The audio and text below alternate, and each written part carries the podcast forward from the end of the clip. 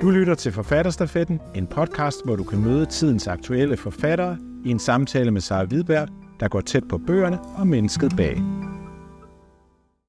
Vigtigt sjovt. Vi skal tale i dag om din aktuelle og meget roste roman, der hedder 15 år, øh, det revolutionære forår. Det er sådan en dobbelttitel.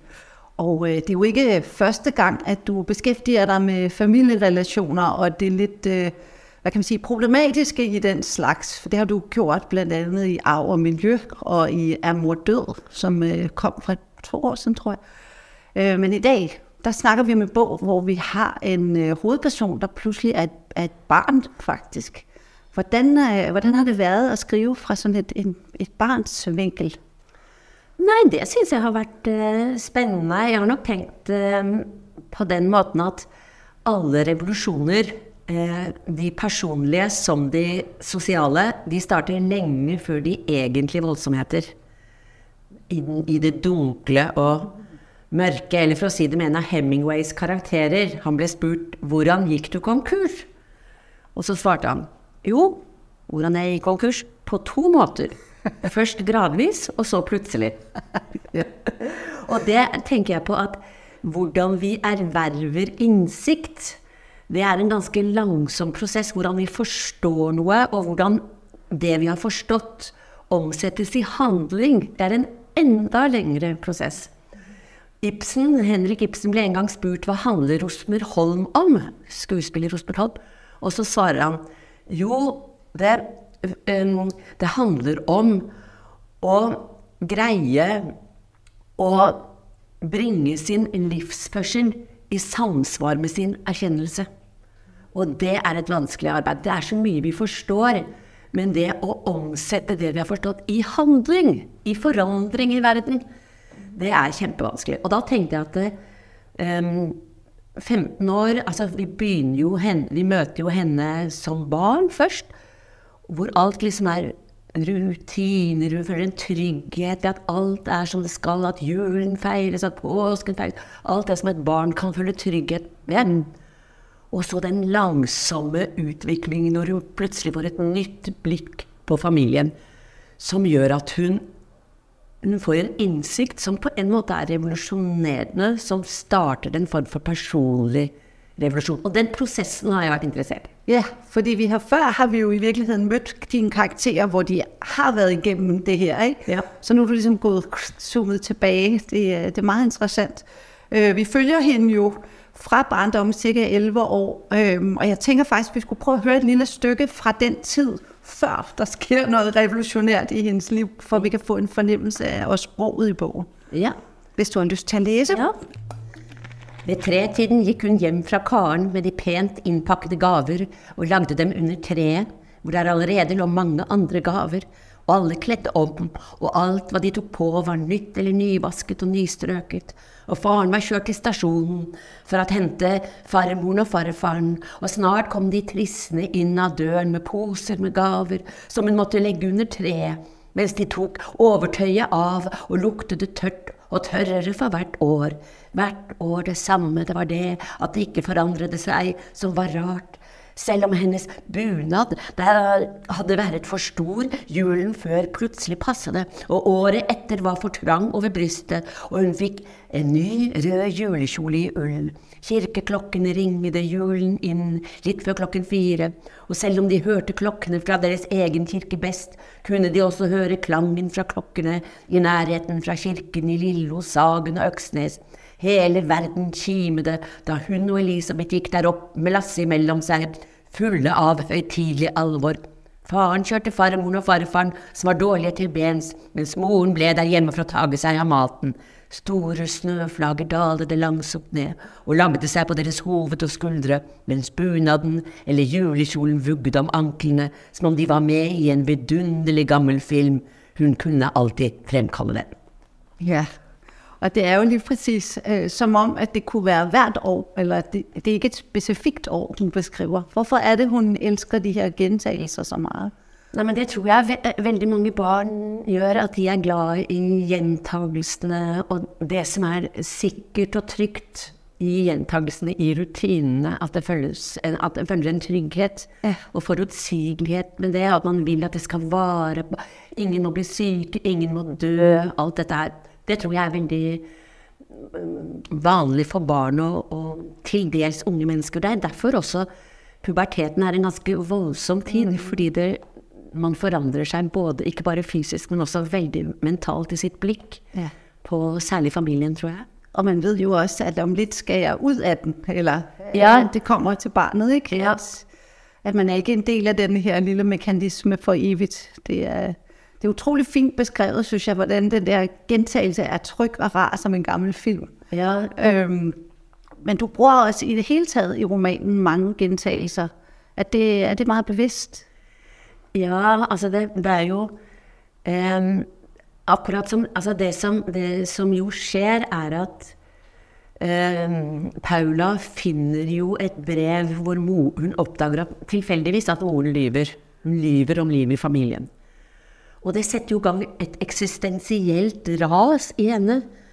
Eh, og det er ikke løgnen i seg selv, men hvorfor lyver mor? Er ikke da mor lykkelig? Og løgnen handler om Paula. Er ikke mor fornøyd med meg? Er det noe feil med meg? Altså, dette skaper så mange spørsmål, og det gjør at hun utvikler et nytt blikk på familien. Og det hun da ser, gjør at hun Det liker hun ikke, da. Nei. På en måte, fordi det er Jeg pleier å kalle det småtingsskuffen. Det er en sånn skuff du har på kjøkkenet hvor du putter alle sånne uviktige småting. Og med sitt nye blikk så ser hun liksom at familien de er jo bare opptatt av alle disse små tingene. Mens hun selv føler at å, hun har masse voldsomme følelser. Har mor og far egentlig hatt det også? Men de har kastet så mye vann og aske på disse følelsene. Og det vil ikke hun. Jeg vil leve ut, jeg vil ikke tilhøre småtingsskuffen. Far som bare snakker om det, sin Audi Super 87 han gjerne vil ha. Moren som bare opptatt av de små, veldig nære tingene. Og i et språk som liksom er flatt, da. Så hun Det, det begynner jo der en, en sånn Ja, denne gradvise forståelsen av at jeg vil ikke le, leve sånn som de. Og hvis jeg er for tett på dem, så kan jeg bli smittet av deres måte å være i verden på.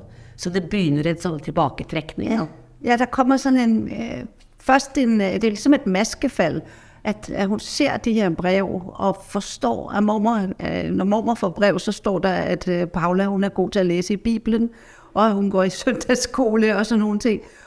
Og det passer ikke. Nej. Og så ser hun sin egen familie med det her blik, og de er også, de er næsten beskrevet, det er næsten en vits, at de snakker om Audien og, øh, og arbejdet hele tiden. Det var, der gentager du mange gange den samme slags samtale, de har ind over middagsbordet. Det bliver næsten humoristisk. Mm.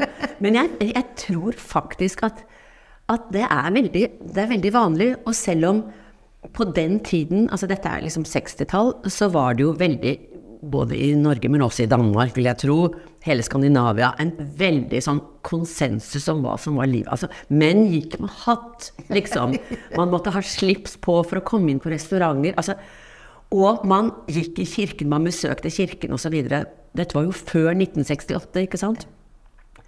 Så, og jeg tror nok at på en måte så er vi like konforme i dag.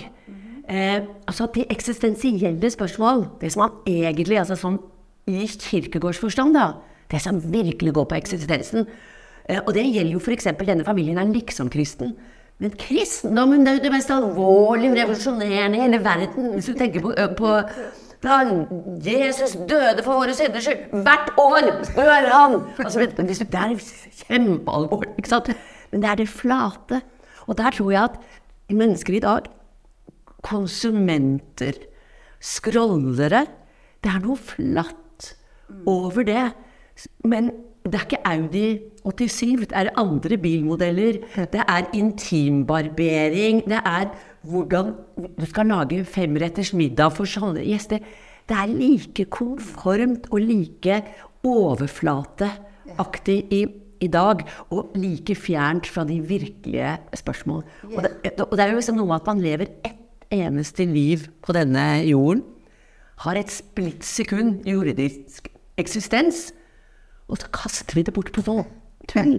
Og Jeg tenker på Bertolt, Brecht, da. Han har et dikt som For det første, han har to dikt. Et dikt som heter 'Hjulskift', som går sånn. Jeg sitter i veikanten og venter på at sjåføren skal skifte ut et hjul. Jeg liker meg ikke der jeg var. Jeg liker meg ikke der jeg skal. Hvorfor ser jeg på hjulskiftet med utålmodighet? Og det er det. Vi lever her et sekund, vi har en jordisk forestilling, og så er, kan det ikke gå fort nok! Å, bussen kommer ikke! Å, ja, det er sånn! Vi klarer ikke være og det, Men Brecht sier noe annet også, som er noe av det samme.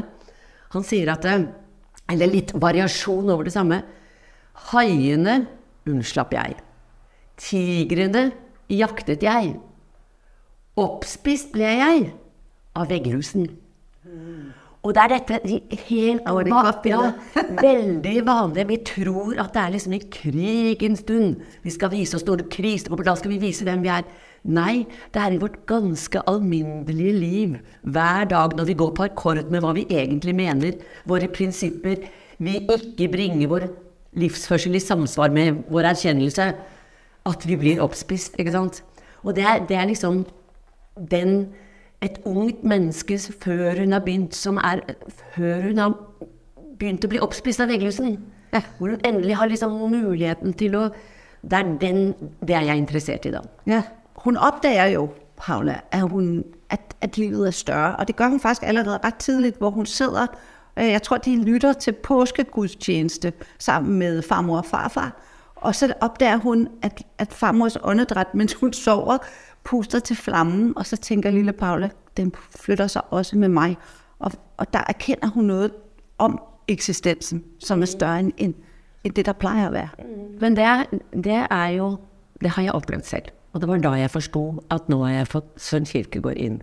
Jeg satt i en liten kirke i Montenegro. Bitte liten kirke. Tændte jeg lys fra det jeg er glad i. Var helt alene der.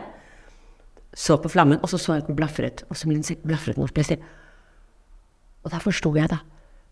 Bare ved at jeg lever, puster, setter jeg ting i bevegelse. Mm.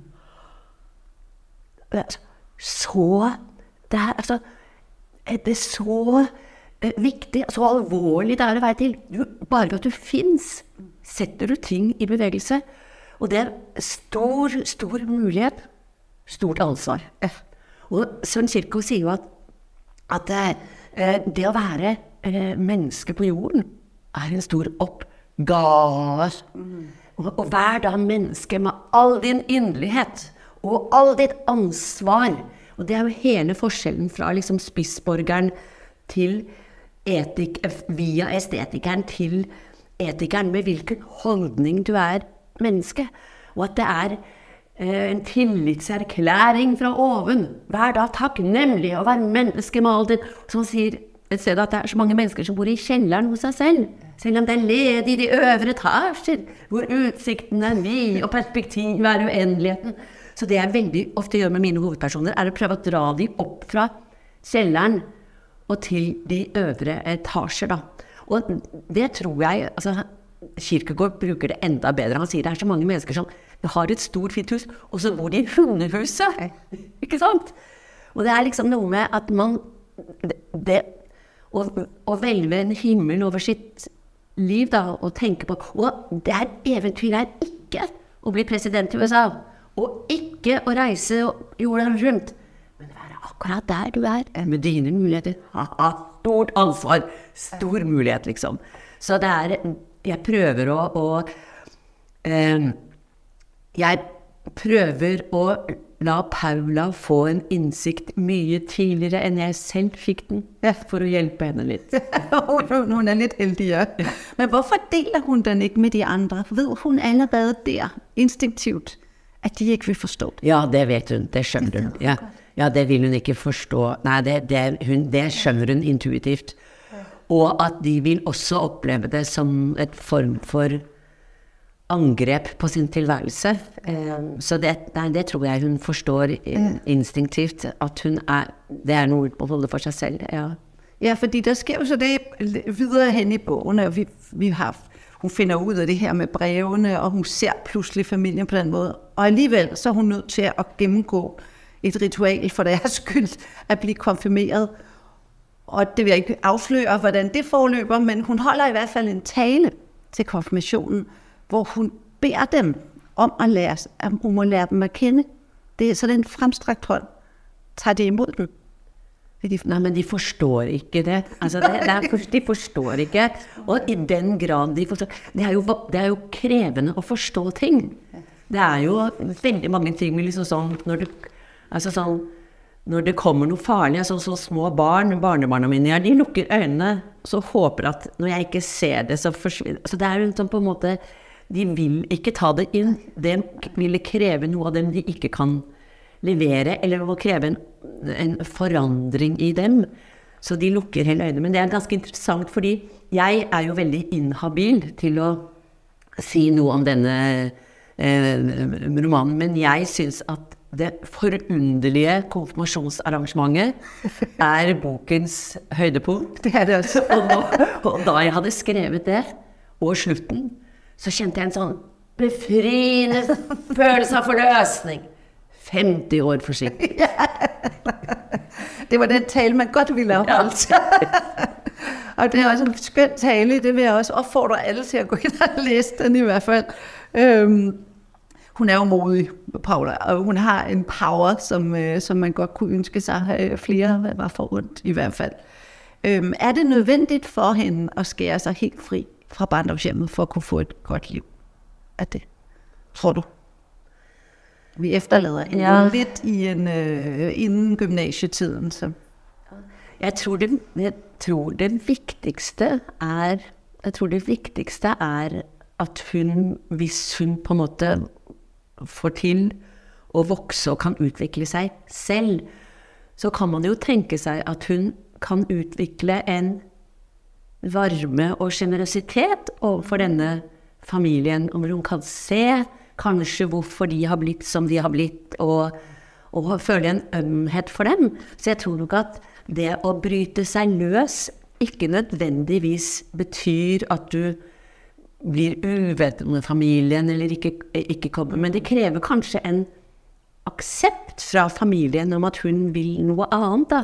Og denne, det spørs om, om, om, de aksepterer det. Så der er det en sånn tovei som jeg tror nok at Paula kunne komme til å føle stor ømhet for denne familien hvis hun bare selv kunne velge å leve på en annen måte. Ja. Det kan også være når mormor ikke er der mer, at, at det vil befri moren litt. ja, det, det, kan man jo håpe. Men jeg har jo skrevet en bok som heter 'Er mor død?' Men spørsmålet er jo mer 'Kan mor dø?' Kan mormor dø? Nei, mormor lever. Mormor lever stadig, ja. Så det er jo et spørsmål om Vi har jo internert våre foreldre i, i oss, da. Og mormor har dikterpresten.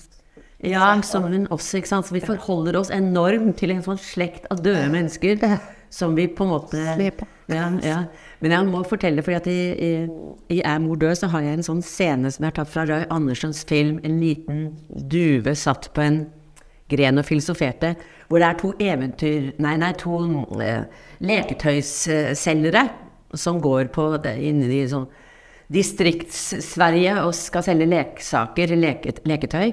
Og de klarer ikke å selge noe. Så sitter de på et trist motell ute i en sånn trist distriktsliten bygd i Sverige på hvert sitt rom, og så sitter den ene og spiller en plate om igjen og om igjen og om igjen sånn Kjære vakre Anna, om du vil høre meg med sjelen og hjerte til, så kommer vi og gifter oss, og så får vi masse barn, og så lever vi godt og fint liv, og til slutt så kommer vi til himmelen, hvor vi møter mor og far igjen. Og han spiller den om igjen og om igjen og om igjen, og han på naborommet blir jo irritert, han får jo ikke sove, så han banker på. Og, og, og døren går opp, og så ser han at kollegaen sitter og gråter og gråter mens han hører på denne platen. Og sa men hvorfor sitter du og greter, som dere sier på sånn gråter? For jeg vil ikke møte mor og far igjen i himmelen! og det tror jeg er veldig sånn bilde på hvordan vi har det, vår ambivalens i forhold til disse mektige personene. Som vi kan, ja. seg Til aller sist kan jeg lige spørre deg, kommer vi til å møte Paula igjen som voksen, eller har vi i virkeligheten allerede mødt den i bøker? Uh, nei, fordi som jeg nevnte, så tror jeg at den innsikten som jeg prøver å gi henne, og jeg lar henne få en utvikling som er kanskje litt usedvanlig å få sånn, da tror jeg veldig mange av mine litterære skikkelser, hovedpersoner, ikke ville gjort så mange dumme ting. For de roter seg jo borti mange, mange ting. Men det er interessant, for jeg har akkurat skrevet ferdig en roman som er en voksenroman veldig Hvor en voksen kvinne på min egen alder skriver om noe veldig avgjørende som skjedde da hun var 16 år. Eh, og der har jeg tenkt Har dette vært veien til den skjebnesvangre eh, opp, min egen opplevelse da jeg var 16 år? det kunne være. Det kunne være. Den glæder vi oss til. Tusen takk, Vigdis. Takk, takk. Du har lyttet til Forfatterstafetten, en podkast produceret af Forfatterweb. Find flere samtaler der, hvor du henter dine podcast.